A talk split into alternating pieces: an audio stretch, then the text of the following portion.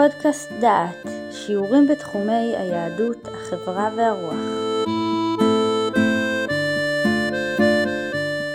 ברוכים הבאים לפודקאסט דעת, לקורס המשפחה בישראל. הגענו לפרק העוסק בהלכת השיתוף לאור משפטי התורה.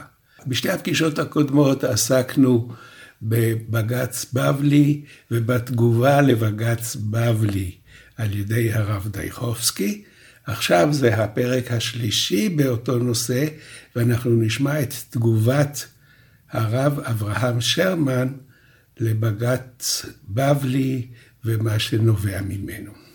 הרב שרמן פותח את מאמרו בסיכום פסק דין בבלי, שאותו למדנו בשיעורים הקודמים. הוא מצטט את דברי השופט ברק, שציטט את השופטים קיסטר ואלון, שאפשר במסגרת המשפט העברי לקבל את פסק דין, את תיק בבלי. כותב הרב שרמן, שופטי בית המשפט העליון ידעו לומר כי בתי הדין הרבניים אינם מוכנים לעשות שימוש בדוקטורינות הפנימיות שלהם לשם הכרה או קליטה של הלכות שיתוף האזרחיות במשפט העברי. ואכן, עלינו לנמק מדוע על פי ההלכה בית הדין מנוע מכך.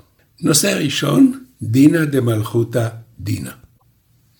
הרב שרמן מביא לנושא הזה את השאלה שנשאל הרשב"א ואשר ציטטנו אותה במפורט בפגישה הקודמת. בשל חשיבות התשובה אני אביא את עיקרי השנית כדי שיהיה אפשר לראות ולזכור ולדון בעניין באופן ברור.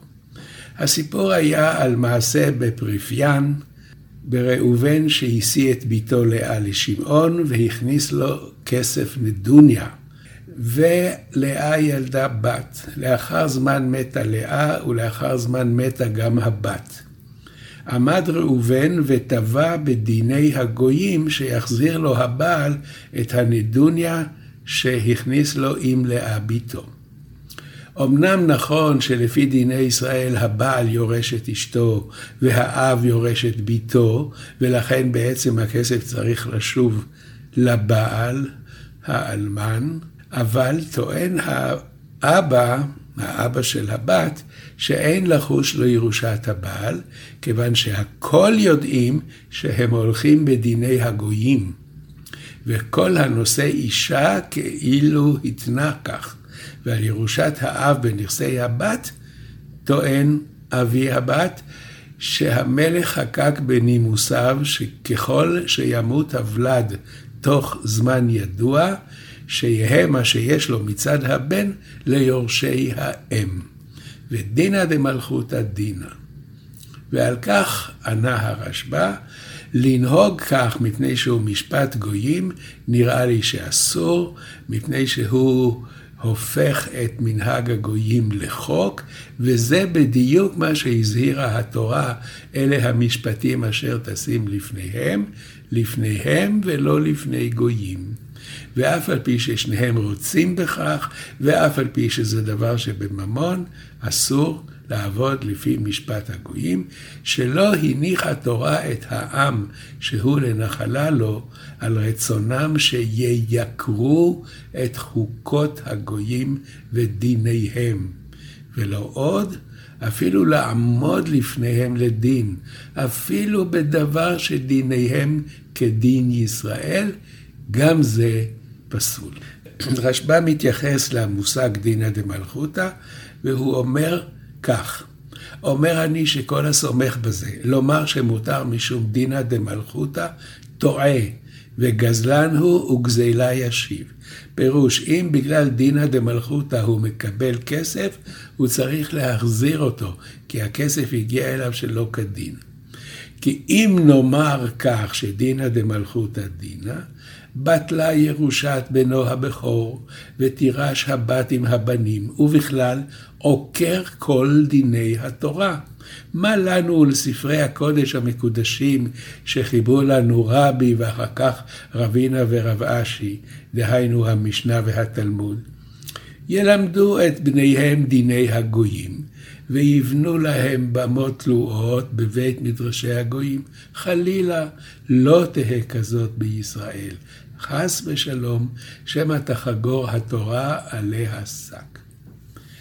אם כך נשים לב שהרב שרמן הביא את תשובתו של הרשב"א, שהוא אומר שמותר להתנות תנאים בענייני ממון, אבל מתקיף קשות את הטענה שיש לנהוג לפי חוק המלך. זה בדיוק מה שאוסרת התורה, אומר הרשב"א.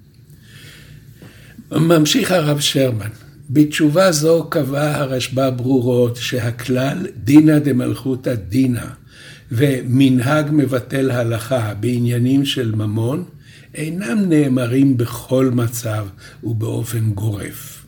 ולכן, כאשר איש ואישה נישאים, במקום שיש חוקים ודינים של גויים, אין אומרים שדעתם להינשא על פי אותם חוקים, וכאילו התנו במפורש שנישאים על דעת שזכויותיהם הממוניות תיקבענה על פי חוקים אלה. לדברי ההשבעה, אזהרת לפניהם ולא לפני גויים, אינה מתייחסת להליכה לערכאה של גויים בלבד.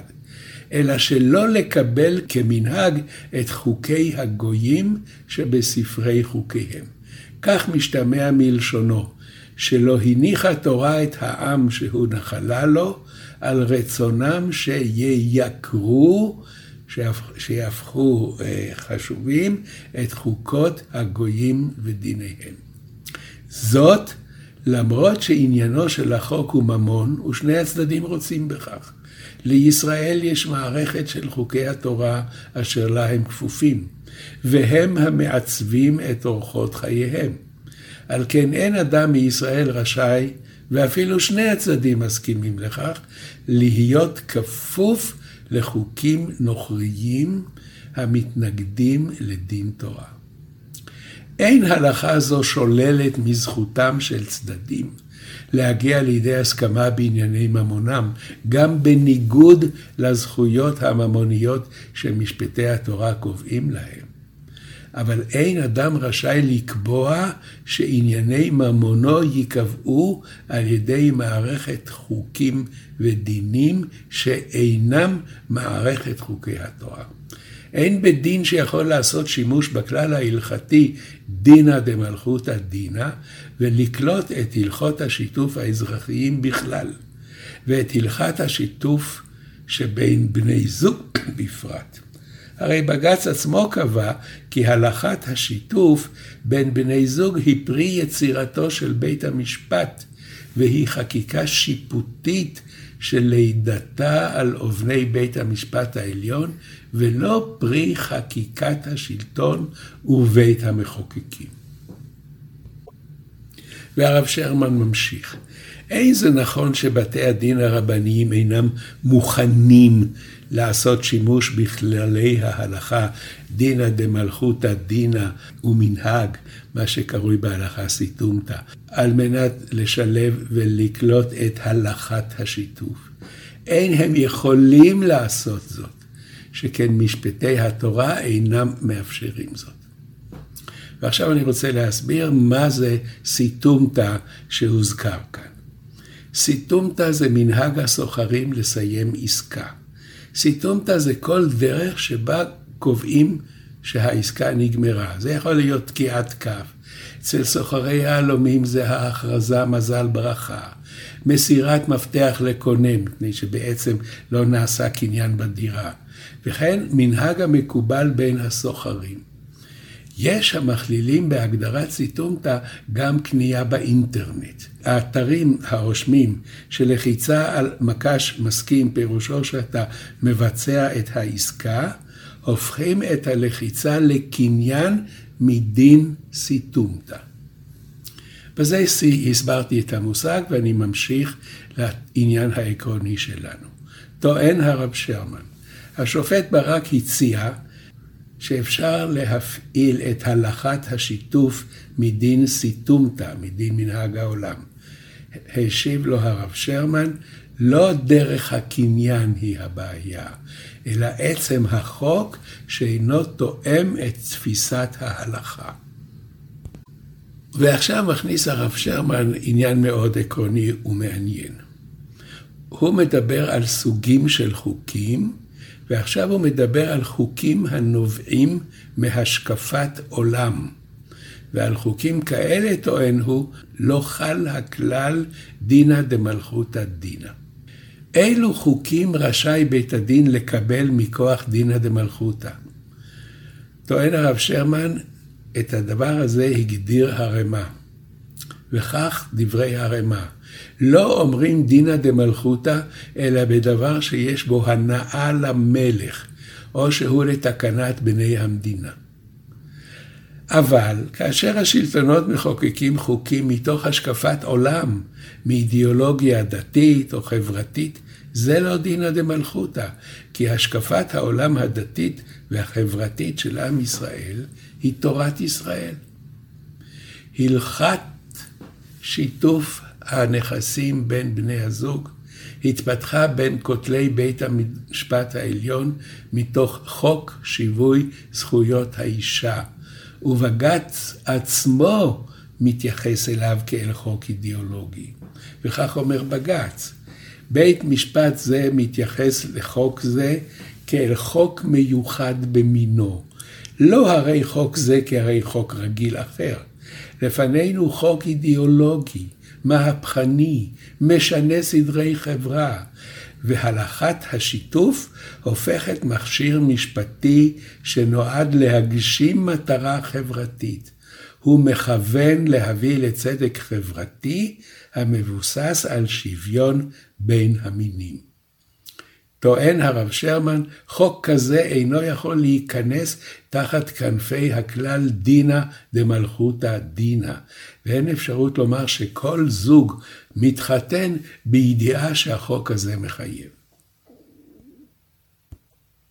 ממשיך הרב שרמן, בית הדין כפוף בכל החלטותיו אך ורק לדין תורה. פסק הדין של הבג"ץ קבע בסיכומו, בפסקה 37, על בית הדין הרבני, בדונו בענייני רכוש הנכרכים לענייני גירושין, להכריע בסכסוך באשר למהותו של הרכוש העומד לחלוקה, על פי המשפט האזרחי הכללי. הלכת שיתוף הנכסים כפי שפותחה על ידי בית המשפט העליון, היא חלק מהמשפט האזרחי הכללי, ועל כן על בית הדין להכריע בסכסוך על פי הלכות אלו. אומר הרב שרמן, זוהי קביעה גורפת המחייבת את בתי הדין הרבניים לדון בכל ענייני רכוש וממון על פי המשפט האזרחי. יש בפסיקה זו הוראה לבתי הדין לדון בענייני ממון או רכוש של בני זוג, על פי דיני הקניינים, חוק החוזים, חוק המתנות, חוקי סדר הדין ודיני הראיות, שנקבעו על ידי המדינה ובתי המשפט שלה. הוראות אלו עומדות בסתירה מוחלטת להוראות ההלכה האוסרת באופן מוחלט לדיין לדון על פי משפט אזרחי המנוגד לדין תורה. לא הבאנו במאמרנו זה דעות יחיד באשר למקומם של כללי ההלכה דינא דמלכותא וכללי המנהג. זוהי פסיקתם של גדולי הפוסקים מהראשונים ועד האחרונים, אשר נחקקה ונקבעה בשולחן ערוך. מוסיף הרב שרמן עיקרון נוסף. דינא דמלכותא ומנהג תקפים רק כשהם מוסכמים על הכל. והוא אומר, גורם נוסף הנוגע לדיוננו בהלכת השיתוף, הוא קביעתם של בעל שבות יעקב, הרב אנזיל אמר שם, שדינא דמלכותא דינא נאמר רק בדינים ידועים ומפורסמים לכל בלי פקפוק כלל. אבל דינים שמשתנים לפי דעת השופט, ונקבעים על פי אומדן של חכמי המשפט, וכל אחד פוסק לפי עומד דעתו, אין להגדירם כדינא דמלכותא. הלכת השיתוף היא דוגמה מובהקת של חקיקה שיפוטית שאינה שובה לכל. הרי היא עצמה קובעת שקיימת חזקה שבני הזוג מתכוונים לכך שרכושם יהיה מקורו אשר יהיה, יעמוד לקניינם המשותף, וזאת כאשר יוכח שבני הזוג חיו יחד לאורך זמן באורח חיים הרמוני. כששניהם שותפים למאמץ המשותף. היא למשל בביתה פנימה, והוא בעיסוקיו בחוץ.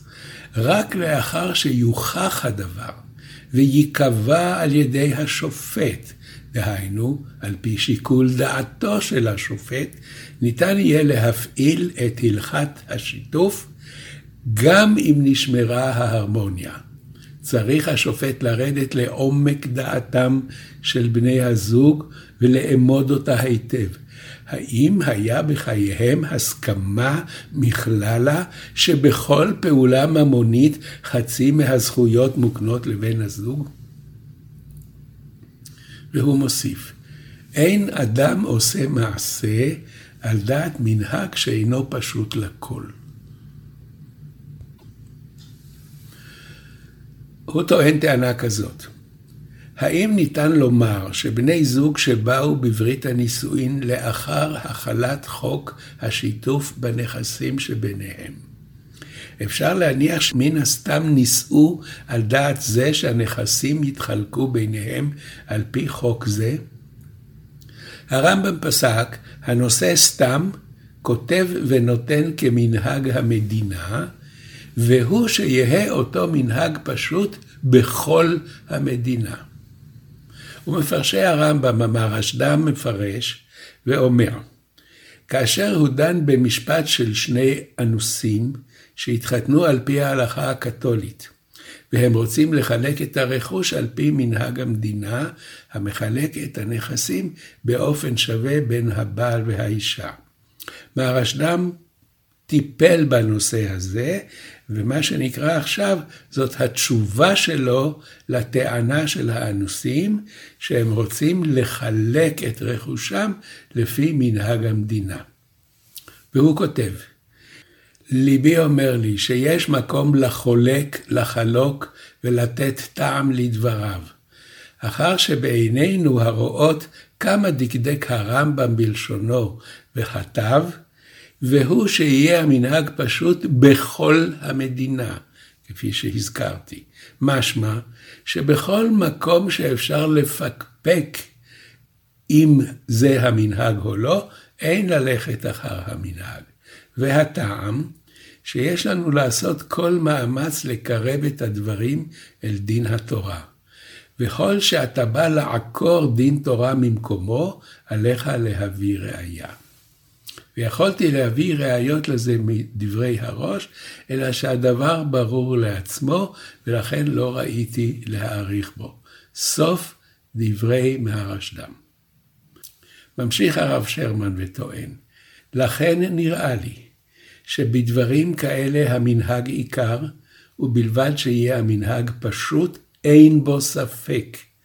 ואם יש ספק במנהג, יש לנו לחזור אל הדין המקורי, דין התורה. ממשיך הרב שרמן וטוען, אין הלכת השיתוף מנהג ברור, ולכן אין ליישם עליה את הלכות הרמב"ם בעניין אימוץ מנהג המדינה, אלא להתנגד לאימוצו, כפי שעשה מהרשד"ם בענייני הנישואין של אותו זוג מפורטוגל. הלכת השיתוף, המושתתת על העיקרון של שוויון האישה, מנוגדת להשקפת התורה, שלפיה זכויות וקנייני ממון נוצרים מכוח פעולות ומצבים משפטיים ממוניים, ולא מכוח אידאה או השקפת עולם. כיוון שבג"ץ בבלי מושתת על חוק שיווי זכויות האישה, שהוא לפי דעת השופטים חוק אידיאולוגי, והלכת שיתוף נכסים של לידתה והתפתחותה בכותלי בית המשפט העליון, לא יכולים דייני בתי הדין הרבניים לקבל אותם מכוח המנהג, מדין סיטומתא או מכוח דינא דמלכותא. אי אפשר שבתי הדין הרבניים הכפופים לדין התורה ימלאו את ההוראה שבפסקה 37 בבג"ץ בבלי. וכך כתוב באותה פסקה: על בית הדין הרבני, בדונו בענייני רכוש הנכרחים לענייני גירושין, להכריע בסכסוך באשר למהותו של הרכוש העומד לחלוקה, על פי המשפט האזרחי הכללי. הלכת שיתוף הנכסים, כפי שפותחה על ידי בית המשפט העליון, היא חלק מהמשפט האזרחי הכללי, ועל כן על בית הדין להכריע בסכסוך על פי הלכות אלה. וכאן מגיע הרב שרמן לסיכום. מכל דברי המפרשים האמורים עולה שכוחו של מנהג יפה רק כאשר הוא ברור ופשוט לכל. אבל כאשר אין המנהג ברור ופשוט לכל, אין אנו אומרים ענן סהדי שעשה על דעת המנהג. ענן סהדי זה ביטוי משפטי שאומר, אנחנו העדים שכל מה שנעשה נעשה על פי המנהג. אתה לא יכול לומר אני בטוח שזה נעשה על דעת המנהג, מפני שאין לך הוכחה שזה מה שחשבו בני הזוג. והוא הדין ביחס להלכת השיתוף. יישומה בפועל הוא רק בשעה שבני הזוג נפרדים. גם אז מותנה הדבר בקביעת השופט הנעשית על פי בדיקת המישור העובדתי באשר לחיים המשותפים וההרמוניים שביניהם. קביעה זו נעשית לפי השקפתו של השופט באשר למהות חיי שיתוף והרמוניה בין בני זוג. על השופט לאמוד בשלב הפירוד מה הייתה דעתם של הזוג בשעת התהוות ההסכם שביניהם, דהיינו בעת הנישואין. ממילא, הלכת השיתוף אינה חוק פשוט וברור, ובוודאי שאין היא הופכת להיות מנהג פשוט. על כן, אין חקיקת הלכת השיתוף יכולה לחייב מכוח דין תורה, כאילו היא מנהג שקיבלו עליהם בני הזוג והסכימו עליו שיחייבם. מספק ספיקה אין בית דין מוציא ממון בחזקתו. הפירוש של המשפט הזה, כדי שבית הדין יחליט שהכסף לא הולך לבעל, אלא מתחלק מחצית לאישה, הוא מוציא כסף מאדם אחד ומעביר אותו לשני. כדי לעשות זאת צריך ביטחון משפטי. ההלכה הזאת שמדובר בה תלויה בגורמים ובתנאים ובשיקול דעת של השופט. זה לא מספיק כדי לפסוק הלכה ולהוציא כסף ממקומו.